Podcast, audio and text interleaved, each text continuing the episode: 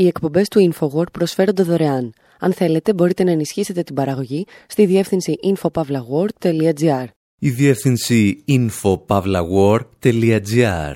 Η εκπομπή InfoWord με τον Άρη Χατζηστεφάνου.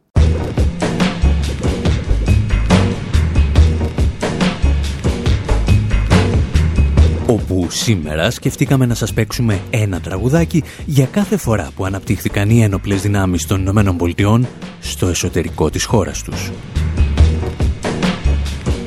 Και ύστερα εγκαταλείψαμε την ιδέα, γιατί συνειδητοποιήσαμε ότι αυτό έχει συμβεί περισσότερες από 1.800 φορές και δεν έχουμε 1.800 τραγούδια εύκαιρα συνειδητοποιούμε ότι ο Αμερικανικός στρατός ίσως έχει εισβάλει στις Ηνωμένες Πολιτείες περισσότερες φορές από ότι έχει εισβάλει αθεριστικά σε όλες τις άλλες χώρες του κόσμου. Αρχικά το έκανε εναντίον ηθαγενών και σκλάβων, στη συνέχεια εναντίον απεργών και πιο πρόσφατα εναντίον ανέργων. Και ύστερα αλλάζουμε σχετικά το θέμα μας ξεφυλίζουμε το βιβλίο «Ο Μάρξ στο κεφάλαιο και η τρέλα του οικονομικού λόγου» του David Harvey, που κυκλοφόρησε και στα ελληνικά από τις εκδόσεις «Τόπος». Συνειδητοποιούμε ότι ίσως είναι ένα από τα βιβλία που χρειαζόμαστε για να κατανοήσουμε όσα συνέβησαν πριν από τον κορονοϊό, κατά τη διάρκεια του κορονοϊού και τι θα ακολουθήσει. Σκεφτόμαστε τι σημαίνει να είσαι μαύρος στη μάχη κατά του κορονοϊού ή να έχεις ένα κατάστημα με τουριστικά είδη σε κάποιο ελληνικό νησί και να βλέπεις Netflix.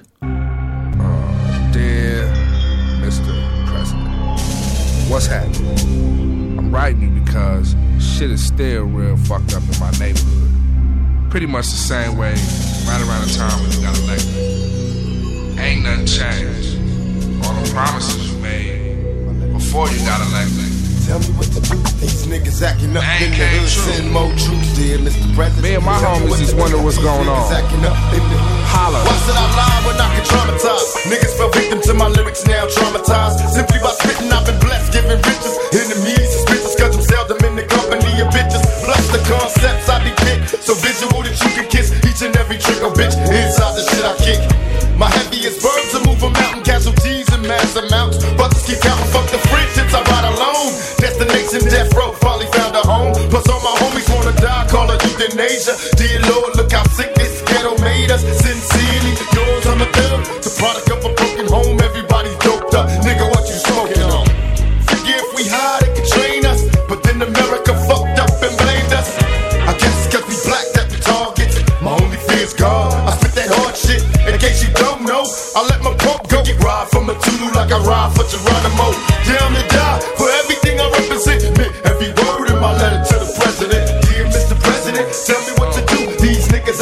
up in the hood. Send more troops. Dear Mr. President, tell me what to do. These niggas acting up in the hood. Send more troops. Baller in the White House. I hope you comfortable, cause yo, I spend my nights out. When the lights out, under the safety of darkness. Amongst the crazy and the heartless and young soul bros. Ready to roll the star shit, arm shit. Leave a nigga flat for scratch. Regardless, I gotta get you. But you can't understand that. Want a band rap, stand back before you get hurt. It's the only thing they can pay today besides making work. On the mission, listen, once reach my goal with my decision, I realize I say living. Driven to dress the message, trying to get stacks and cheddar. Motherfuckers say cops wait, it ain't getting better. We just keep telling us that it is. Why your motherfucking troops keep killing our kids? Dig.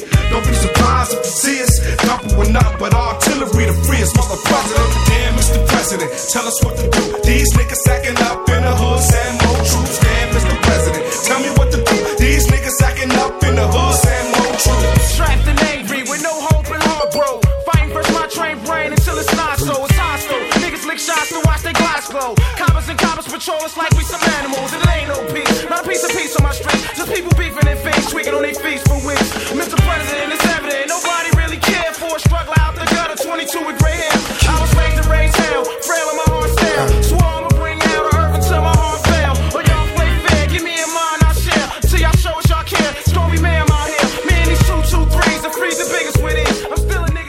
Τουπάκ από τα τέλη του σύντομου 20ου αιώνα τραγουδά για τη διάλυση του κράτους πρόνοιας και για τη ζωή στα αμερικανικά γκέτο. Εκεί από που μπορείς λέει να αποδράσεις είτε με μια ηλεκτρική καρέκλα είτε με ευθανασία. Κυρίως όμως τραγουδάει για Αμερικανούς προέδρους που στέλνουν το στρατό να καταστήλει τις εξεγέρσεις των μαύρων. Και το κάνει γιατί όταν έγραφε το τραγούδι είχε πρόσφατη τη μνήμη από την εξέγερση του Λος Άντζελες του 1992 όταν ο Λευκός Οίκος διέταξε την ανάπτυξη δυνάμεων του Πενταγώνου στην πόλη των Αγγέλων. Κάποιοι βέβαια φαίνεται να ξέχασαν τις προηγούμενες επεμβάσεις του Αμερικανικού στρατού στο εσωτερικό των ΗΠΑ. Και έτσι, όταν ο Ντόναλτ Τραμπ τους απείλησε με μία ακόμη επέμβαση, έπεσαν από τα σύννεφα. If a city or state refuses to take the actions that are necessary to defend the life and property Εάν οι πόλεις και οι πολιτείες αρνηθούν να λάβουν τα πετούμενα μέτρα για την προστασία της ζωής και της περιουσίας του κατοίκου τους, θα αναπτύξω τις ένοπλες δυνάμεις των ΗΠΑ και θα λύσει το πρόβλημα για αυτές.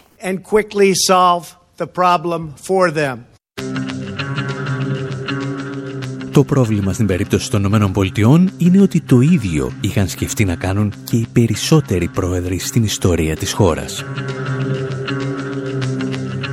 Στα μέσα της δεκαετίας του 90, ο πανεπιστημιακός David Adams υπολόγισε ότι από το 1886 μέχρι το 1990 σημειώνονταν κατά μέσο όρο 18 στρατιωτικές επεμβάσεις στο εσωτερικό των ΗΠΑ κάθε χρόνο με τη συμμετοχή 12.000 στρατιωτών. Και μερικές από αυτές τις επεμβάσεις σκεφτήκαμε να θυμηθούμε σήμερα. Δεν θα μιλήσουμε για την εθνική φρουρά, η οποία επίσης ελέγχεται από το στρατό ξηράς και την πολεμική αεροπορία. Δεν θα μιλήσουμε για επεμβάσεις ύστερα από ακραία καιρικά φαινόμενα. Δεν θα μιλήσουμε καν για τις επιχειρήσεις παρακολούθησης Αμερικανών πολιτών από το Πεντάγωνο. Θα μιλήσουμε μόνο για τις περιπτώσεις όπου οι ένοπλες δυνάμεις της Ομοσπονδιακής Κυβέρνησης εισέβαλαν σε πόλεις των Ηνωμένων Πολιτειών της Αμερικής.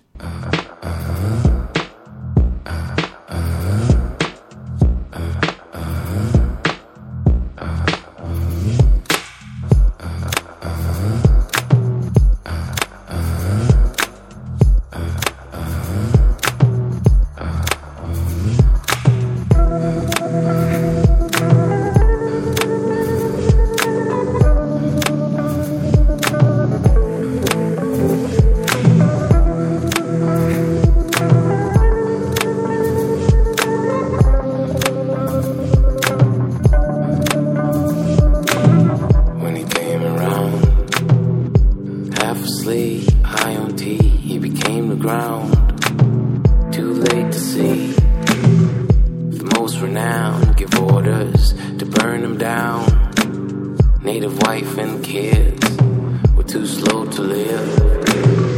And just that night, he lost his mind.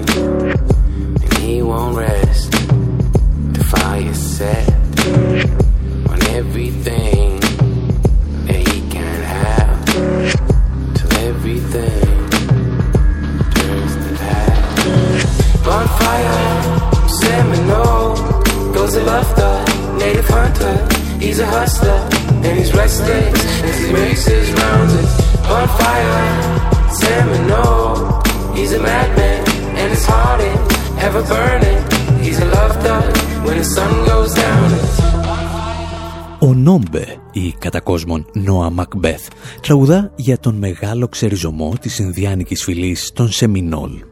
Ο ξεριζωμός που μεταξύ άλλων οδήγησε στον λεγόμενο δεύτερο πόλεμο των Σεμινόλ από το 1835. Από τη μία πλευρά έχουν συνενωθεί διαφορετικές φυλές των Σεμινόλ αλλά και μαύροι σκλάβοι της περιοχής και από την άλλη ο στρατός των Ηνωμένων Πολιτειών της Αμερικής.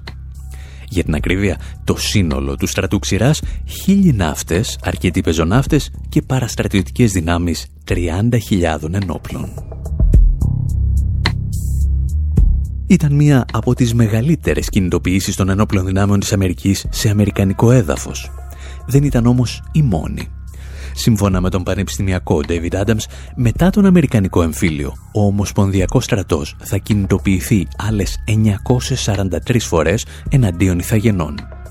Δεν συζητάμε δηλαδή για τη γενοκτονία από τους Ευρωπαίους απεικιοκράτες, συζητάμε για το στρατό του Αμερικανικού κράτους.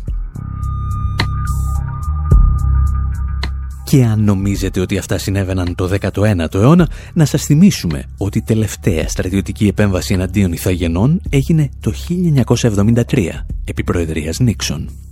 Ο στρατός συνδράμει τότε το έργο της Εθνοφρουράς και του FBI για τον έλεγχο της εξέγερσης των Ινδιάνων στην περιοχή Wounded Knee, το πληγωμένο γόνατο.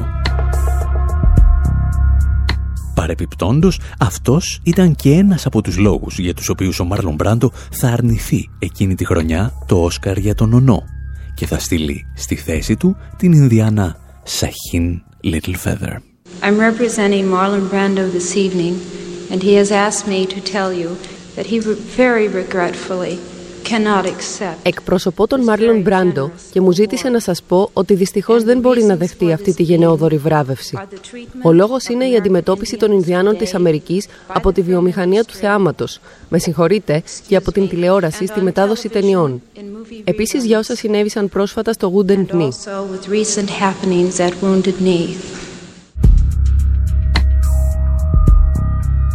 Παρεπιπτόντος το Wounded Knee ήταν η περιοχή όπου το 1890 ο Αμερικανικός στρατός είχε σφαγιάσει εκατοντάδες ηθαγενείς, η μισή από τους οποίους ήταν γυναίκες και παιδιά.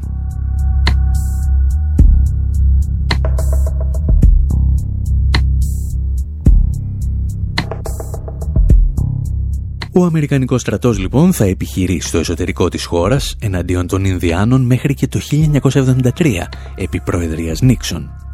Σε πολύ χειρότερη κατάσταση όμως βρίσκονταν όλα αυτά τα χρόνια οι μαύροι σκλάβοι, τους οποίους είχαν φέρει από την Αμερική.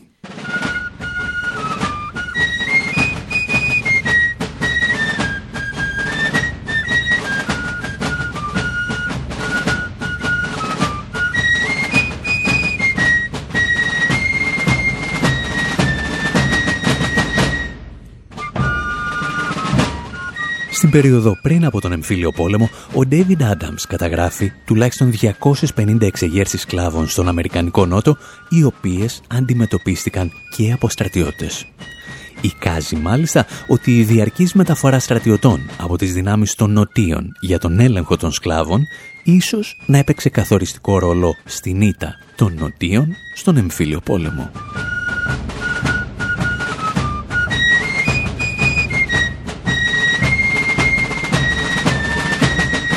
Μετά τον εμφύλιο πάντως, οι προτεραιότητες του Αμερικανικού κεφαλαίου αλλάζουν και μαζί αλλάζουν και οι επεμβάσεις του Αμερικανικού στρατού στο εσωτερικό των Ηνωμένων Πολιτειών. Στόχος πλέον είναι οι εργάτες και η πρώτη μεγάλη μάχη αυτής της περίοδου θα δοθεί το 1877 με τη μεγάλη απεργία των σιδηροδρομικών.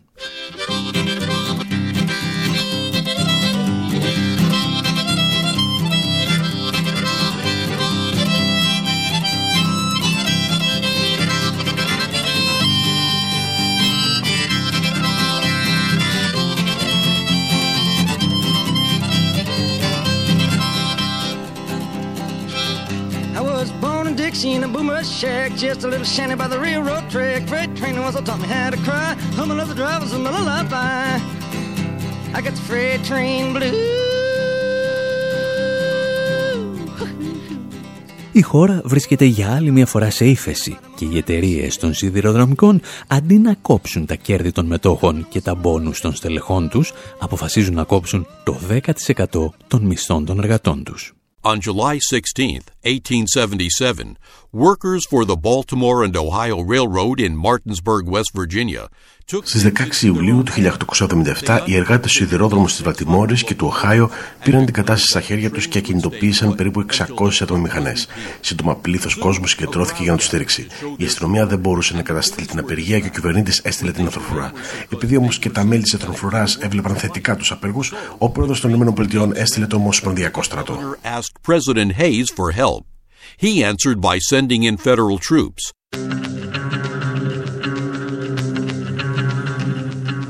Παρ' όλα αυτά, η απεργία επεκτείνεται σαν πυρκαγιά σε αρκετές ακόμη πολιτείες και ο πρόεδρος αναγκάζεται να στέλνει διαρκώς τις ένοπλες δυνάμεις, γεγονός που διχάζει μεταξύ άλλων και το στρατιωτικό κατεστημένο της χώρας.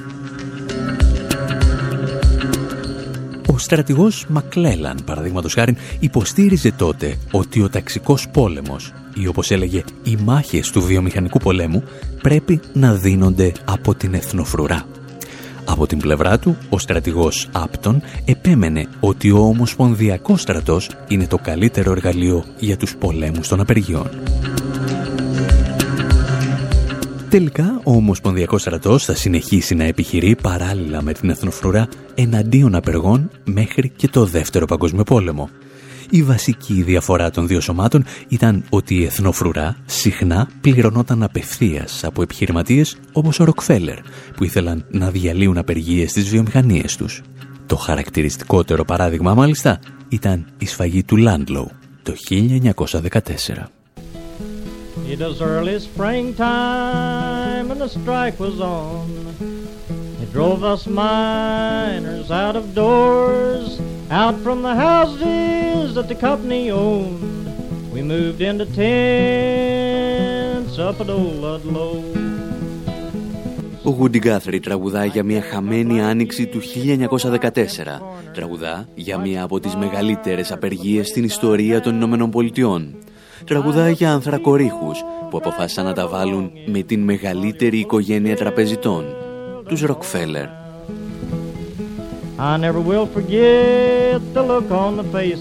Μας πέταξαν τραγουδά ο Γκούντι Γκάθρι έξω από τα σπίτια που μας είχε δώσει η εταιρεία σε αντίσκηνα και εγώ φοβόμουν για τα παιδιά μου γιατί οι σφαίρες του στρατού περνούσαν πάνω από το κεφάλι μας. We told the Colorado governor to phone the guns. I carried my blanket. 1200 ανθρακορίχοι στο Landlow του Κολοράντο κατέβαιναν σε απεργία εναντίον τριών εταιριών που είχαν υπό τον έλεγχό τους το σύνολο των ορυχείων. Ανάμεσά τους και η γιγαντιαία Colorado Fuel and Iron Company της οικογένειας Rockefeller. Την εταιρεία ελέγχει ο Τζον Ροκφέλερ από το γραφείο του στο κτίριο της Standard Oil στη Νέα Υόρκη. Στο Κολοράντο όμως, 7 στους χίλιους ανθρακορίχους που δούλευαν για την ίδια εταιρεία πέθαιναν κάθε χρόνο μέσα σε κάποια στοά ορυχείου. Και οι υπόλοιποι ζούσαν σε κατοικίες στρατόπεδα που τους επέβαλαν την υπακοή στην εταιρεία.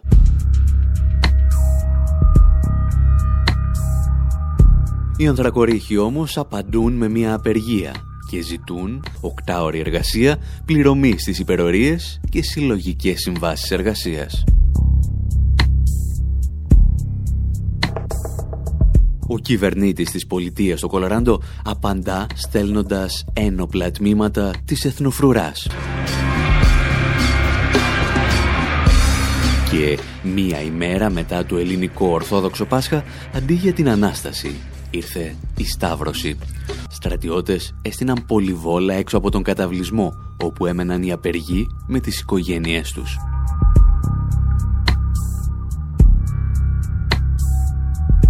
Το μεσημέρι η εθνοφρουρά αρχίζει να πολυβολεί τους απεργούς, οι οποίοι καταφέρνουν να αμυνθούν για μία ολόκληρη ημέρα.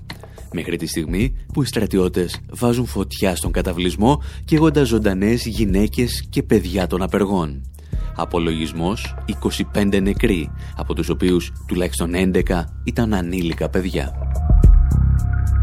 Το Αμερικανικό κράτος δείχνει τι παθαίνεις όταν τα βάζεις με την εταιρεία ενός μεγάλου τραπεζίτη, όταν τα βάζεις με τους Ροκφέλερ. Η σφαγή του Landlow λοιπόν, για την οποία μιλούσε ο Χάορτ Ζιν, θα χαραχτεί για πάντα στην ιστορία του εργατικού κινήματος. Ιστορία όμως έχει να θυμάται και πολλές ακόμη μουσικές διηγήσεις από τις απεργιακές κινητοποιήσεις στις Ηνωμένες Πολιτείες των αρχών του 20ου αιώνα. Το 1921, λόγου χάρη, οι ανθρακορίχοι παίρνουν και πάλι τα όπλα, διεκδικώντας συλλογικές συμβάσεις και τη δημιουργία συνδικάτων. Στη Δυτική Βιρτζίνια, περίπου 15.000 ανθρακορίχοι συγκρούονται με δυνάμεις μισθοφόρων που έρχονται από τις εργοδοτικές εταιρείες. Η νίκη τους θα ήταν βέβαιη εάν η Αμερικανική κυβέρνηση δεν είχε στείλει βομβαρδιστικά εναντίον των απεργών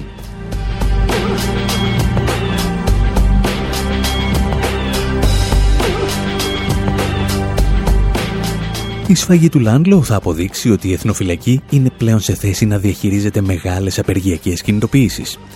Η Βιρτζίνια όμως θα έρχεται να θυμίζει πάντα ότι όπου δεν αρκεί η εθνοφρουρά μπορεί να αναλαμβάνει τους απεργούς ο στρατός ξηράς και η πολιτική αεροπορία. Παρεπιπτόντος περίπου ό,τι έκανε και ο Ελευθέριος Βενιζέλος στην Ελλάδα. Στις Ηνωμένες Πολιτείες πάντως οι παρεμβάσεις του στρατού εναντίον των απεργών θα μειωθούν μετά το Δεύτερο Παγκόσμιο Πόλεμο. Ουσιαστικά θα αντικατασταθούν με επιθέσεις στο αντιπολεμικό κίνημα και τους μαύρους στον γκέτο. Για αυτές τις επιχειρήσεις όμως στο εσωτερικό της Αμερικανικής επικράτειας μίλησαμε στην προηγούμενη εκπομπή μας.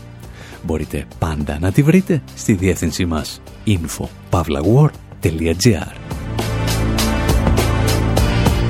Προς το παρόν πάντως μένετε εδώ, γιατί στο δεύτερο μέρος της εκπομπής συζητάμε για τις οικονομικές συνθήκες που αναγκάζουν τους ανθρώπους να κατεβαίνουν στο δρόμο και το στρατό να τους σκοτώνει.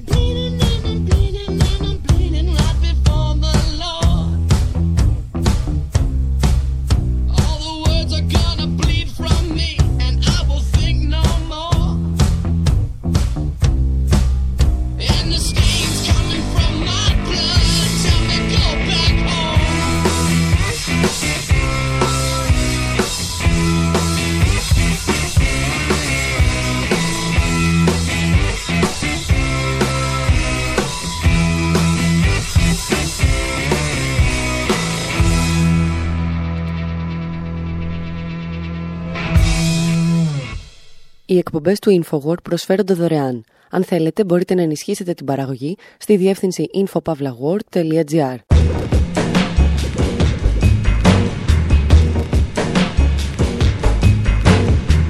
Η εκπομπή InfoWord με τον Άρη Χατζηστεφάνου όπου σήμερα, αφού παρακολουθήσαμε αμερικανικές πόλεις να βυθίζονται στις συγκρούσεις με την αστυνομία, σκεφτήκαμε να σηκώσουμε το καπό της μηχανής παραγωγής εξεγέρσεων. Αναρωτιόμαστε ποιοι εξεγείρονται και πώς αυτό μπορεί να σχετίζεται με την πανδημία του κορονοϊού. Σκεφτόμαστε ότι ίσως να είμαστε εμείς οι δυτικοί αυτοί που τελικά εξήγαγαν στην Κίνα τις συνθήκες για την ανάπτυξη μιας ακόμη πανδημίας. Αναρωτιόμαστε γιατί η σημερινή παγκόσμια οικονομία του τουρισμού και του Netflix είναι πιο ευάλωτη από τις οικονομίες προηγούμενων δεκαετιών σε μια πανδημία και διαπιστώνουμε ότι σχεδόν όλες οι απαντήσεις στα ερωτήματά μας βρίσκονται σε ένα βιβλίο που κυκλοφόρησε στα ελληνικά εν μέσω της πανδημίας από τις εκδόσεις «Τόπος». Συζητάμε για το τελευταίο βιβλίο του αγαπημένου μας David Harvey με τίτλο «Ο Μάρξ, το κεφάλαιο και η τρέλα του οικονομικού λόγου».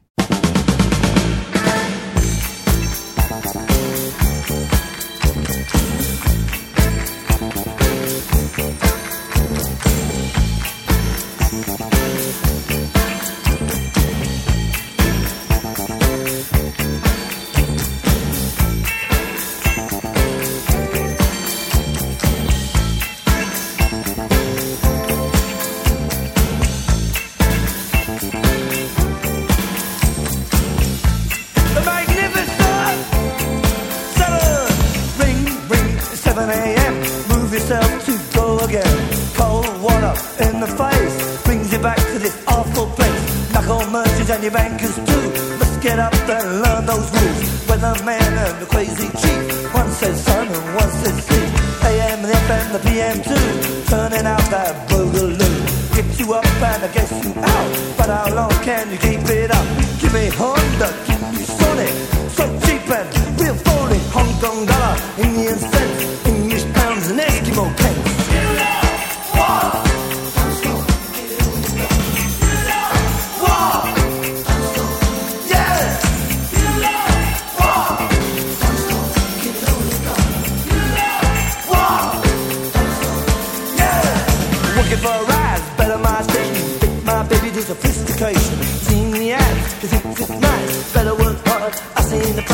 never mind that. It's time for the bus. We got to work.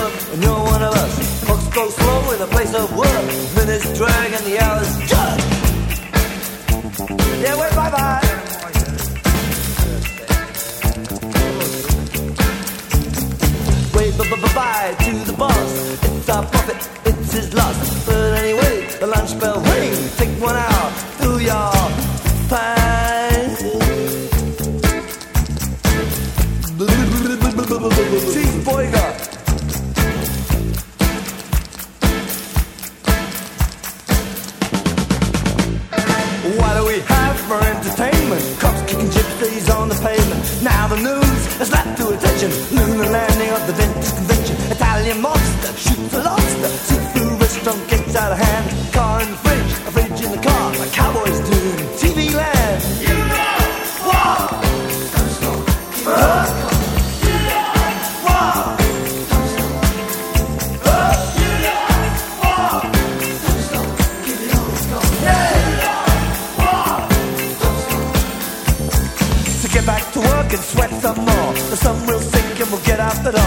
good for man, so working.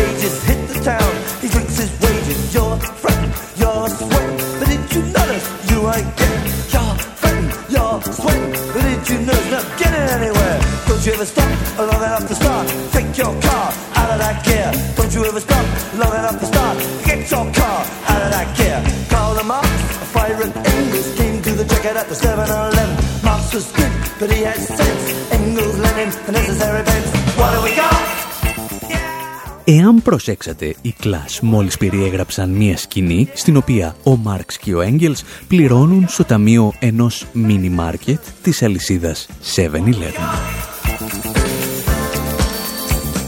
Ο Μάρξ λέει δεν έχει πάνω του δεκάρα τσακιστή, αλλά έχει συνέστηση της κατάστασής του και γι' αυτό τον δανείζει για άλλη μια φορά ο Έγγελς.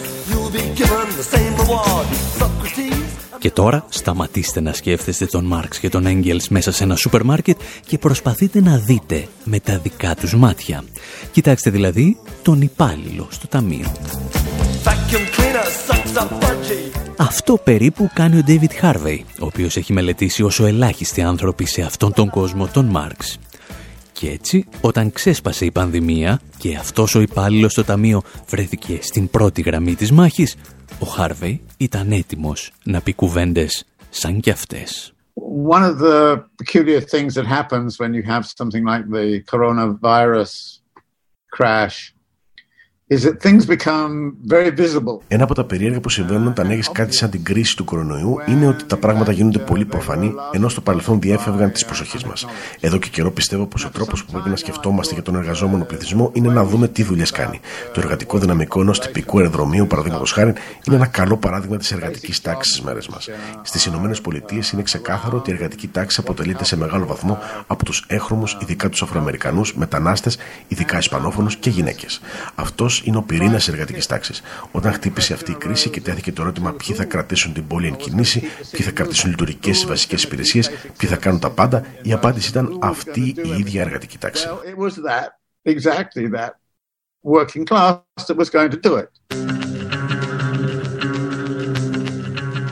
Αυτή η εργατική τάξη μπορούσε πλέον να επιλέξει τον τρόπο με τον οποίο θα κινδύνευε να πεθάνει, με κορονοϊό ή χωρίς κορονοϊό. Γιατί ως γνωστόν, στον καπιταλισμό έχεις πάντα πολλές επιλογές.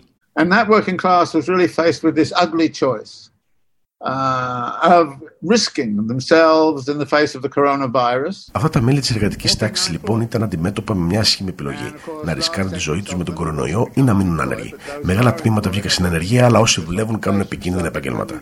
Αν κοιτάξεις τους νεκρούς από κορονοϊό στις ΗΠΑ, είναι κυρίως Αφροαμερικανοί άντρες, Ισπανόφωνοι, μετανάστες, αν και περιέργω ο ιό δεν στοχεύει τόσο τις γυναίκες. Το ζήτημα είναι ότι ζούμε την καθημερινότητά μας στις πλάτες αυτής της εργατικής τάξης. Δέχονται το μεγαλύτερο κομμάτι της βίας του ιού, αλλά και τη ευθύνη για τη δική μας επιβίωση, ενώ μένουμε απομονωμένοι και ασφαλείς.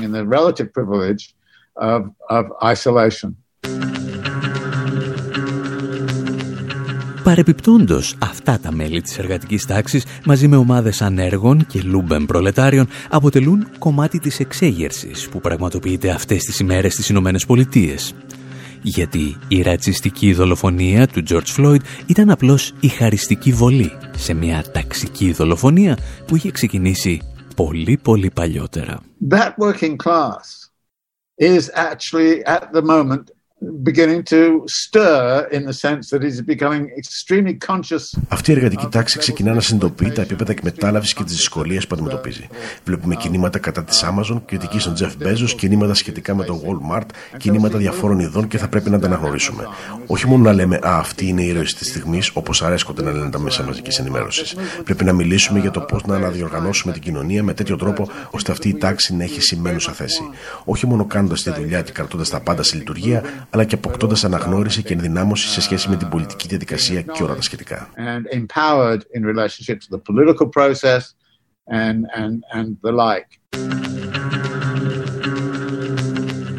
Παρεπιπτόντως, ο David Harvey τα έλεγε όλα αυτά λίγα μόλις 24 ώρα πριν ξεσπάσει η εξέγερση στις Ηνωμένες Πολιτείες.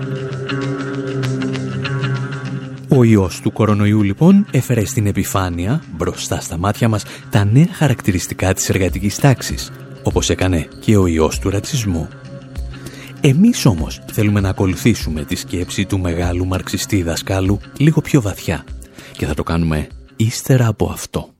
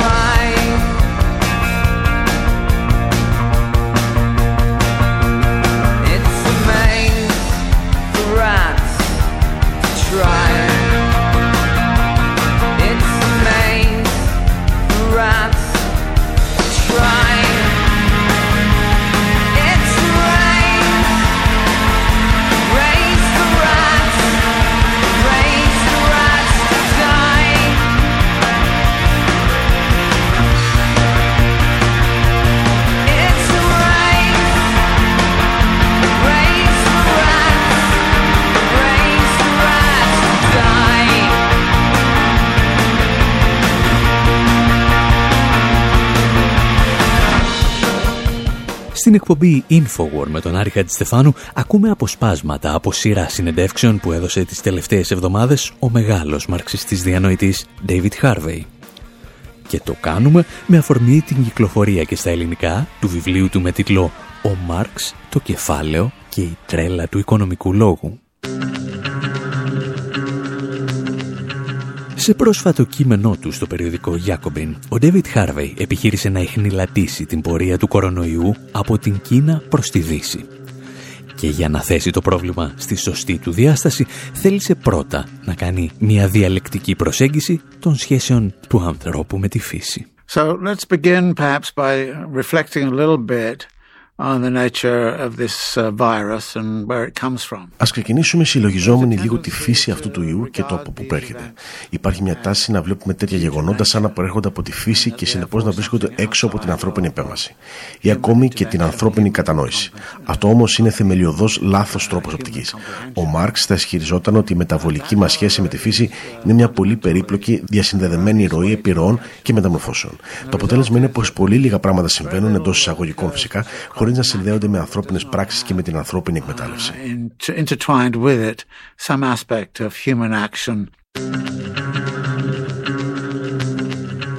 Η εξάπλωση του κορονοϊού, θα εξηγήσει αμέσως μετά ο David Harvey, δεν μπορεί να θεωρηθεί ένα αμυγός φυσικό φαινόμενο. Και προφανώς δεν αναφέρεται στις θεωρίες συνωμοσίας διαφόρων ψεκασμένων, όπως ο πρόεδρος των ΗΠΑ, ότι ο ιός ξέφυγε από κάποιο εργαστήριο της Κίνας. And so it is with uh, these viruses. Many of these viruses arise out of uh, agricultural practices or έτσι είναι και με τους ιούς. Πολλοί από τους ιούς ξεπηδούν μέσα από αγροτικές πρακτικές ή πρακτικές κατανάλωσης τροφίμων. Και οι πιο χαρακτηριστικές περιπτώσεις είναι αυτές της κτηνοτροφίας υψηλής έντασης. Δεν ξέρω και δεν καταλαβαίνω ακριβώς από πού προήλθε αυτός ο συγκεκριμένος ιός, αλλά όλη η γραμμή των κορονοϊών γνωστή από τη δεκαετία του 1960 που παρήγαγε τον SARS και άλλους ιούς, όλη αυτή η γραμμή έχει να κάνει με μεταλλάξεις στην ιική δομή. Αυτές οι μεταλλάξεις για να εδρεωθούν χρειάζονται ένα κατάλληλο περιβάλλον ξενιστή. Με άλλα λόγια, οι μεταλλάξεις συμβαίνουν συνέχεια, αλλά μόνο υπό συγκεκριμένες συνθήκες εδραιώνονται και γίνονται πρόβλημα για ολόκληρο το ανθρώπινο σύστημα παραγωγής και αναπαραγωγής.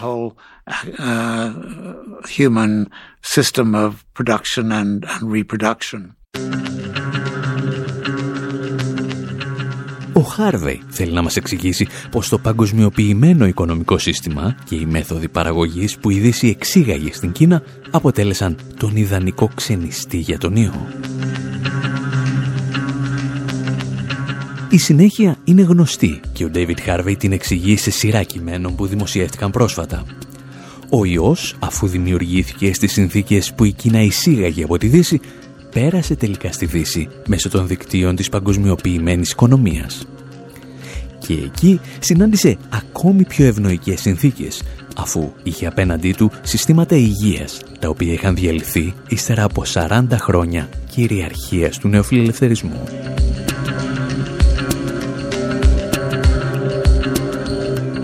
Στο σημείο αυτό όμως, ο Χάρβεϊ θέλει να βουτήξει ακόμη πιο βαθιά και να μας βοηθήσει να καταλάβουμε γιατί η πανδημία μπορεί να έχει τόσο τρομακτικές επιπτώσεις στην παγκόσμια οικονομία. Φταίει το Netflix θα πει, με ελαφρώς περισσότερες διαμεσολαβήσεις. Netflix, Netflix, Netflix and chill. Netflix, Netflix, Netflix and chill. Netflix, Netflix, Netflix and chill.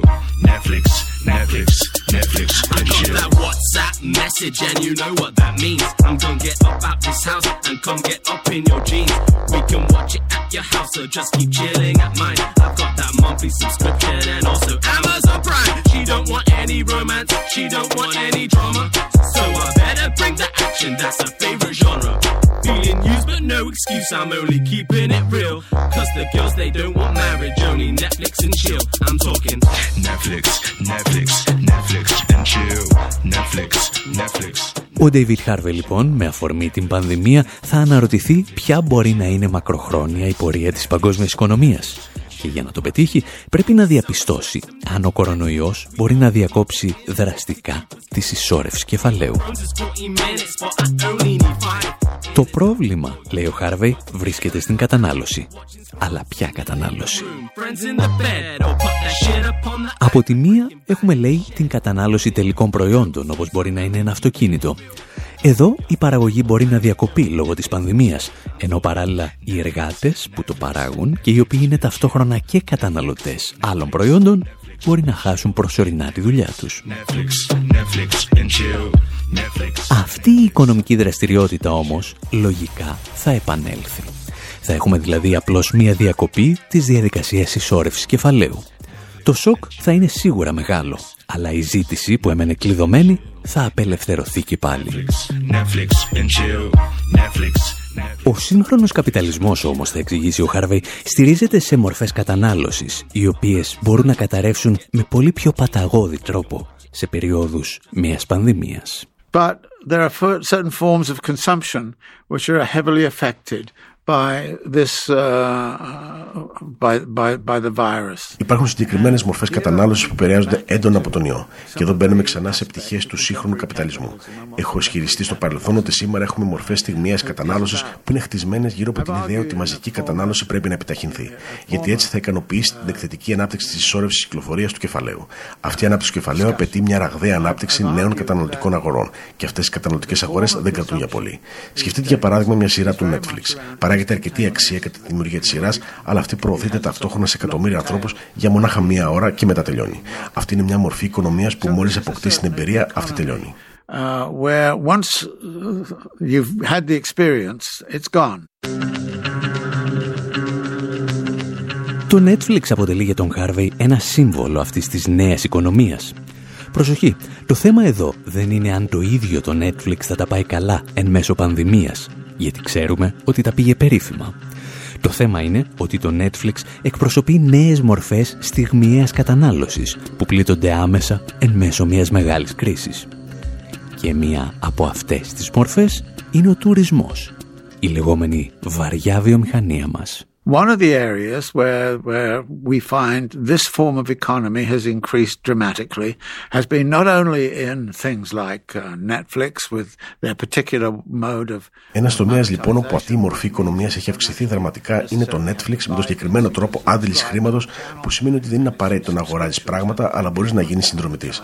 Ένας άλλος τρόπος είναι μέσω της ανόδου των λεγόμενων θεαματικών γεγονότων, των πολιτισμικών γεγονότων και των βιωματικών μορφών κατανάλωσης. Μία από τις βασικές μορφές είναι ο τουρισμός. Από τη δεκαετία του 1970 έχουμε δει τεράστια ανάπτυξη σε είδη καταναλωτισμού που σχετίζονται με το θέαμα. Θυμάμαι για παράδειγμα την πρώτη φορά που πήγα στη Βαλτιμόρη το 1969 υπήρχαν περίπου τρία μουσεία. Καθώς κατέρε η οικονομία του μπλε κολάρου, η πόλη έψαχνε νέους τρόπους οικονομικής ανάπτυξης. Ένας από τους νέους τρόπους ήταν οι πολιτισμικές βιομηχανίες. Χτίστηκαν νέα μουσεία και άλλα παρόμοια και το μήνυμα ήταν Ελάτε στη Βαλτιμόρη για την τουριστική βιομηχανία, γιατί έχουμε όλα αυτά τα μουσεία. Το ίδιο σε Νέα Υόρκη, το Παρίσι, το Λονδίνο και αλλού.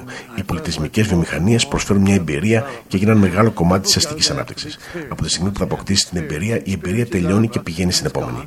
Η εμπειρική αυτή μορφή οικονομικής δραστηριότητας ξεκινά να γίνεται σημαντική.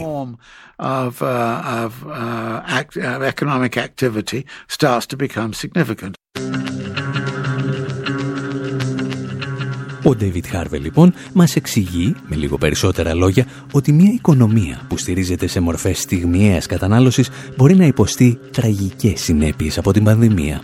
Και κάπου εκεί οι προβλέψεις των κυβερνήσεων για πορεία της οικονομίας σε σχήμα V, δηλαδή μια βήθηση και μετά νέα εκτείναξη, καταραίουν. Ειδικά εάν η οικονομία σου στηρίζεται στο τρίπτυχο λίγο κρασί, λίγο θάλασσα και το Netflix μου.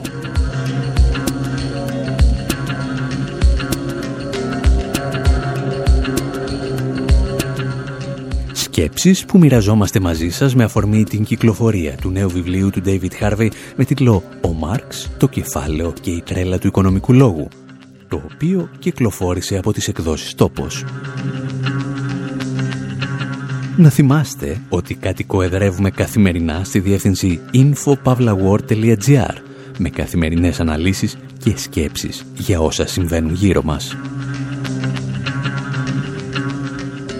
Μέχρι την επόμενη εβδομάδα, από τον Άρη Χαντιστεφάνου, τον Ανδρέα Κονσιάρη, την Μυρτώ Σιμεωνίδου και τον Δημήτρη Σταθόπουλο που συνεργάστηκαν για αυτή την εκπομπή, γεια σας και χαρά σας.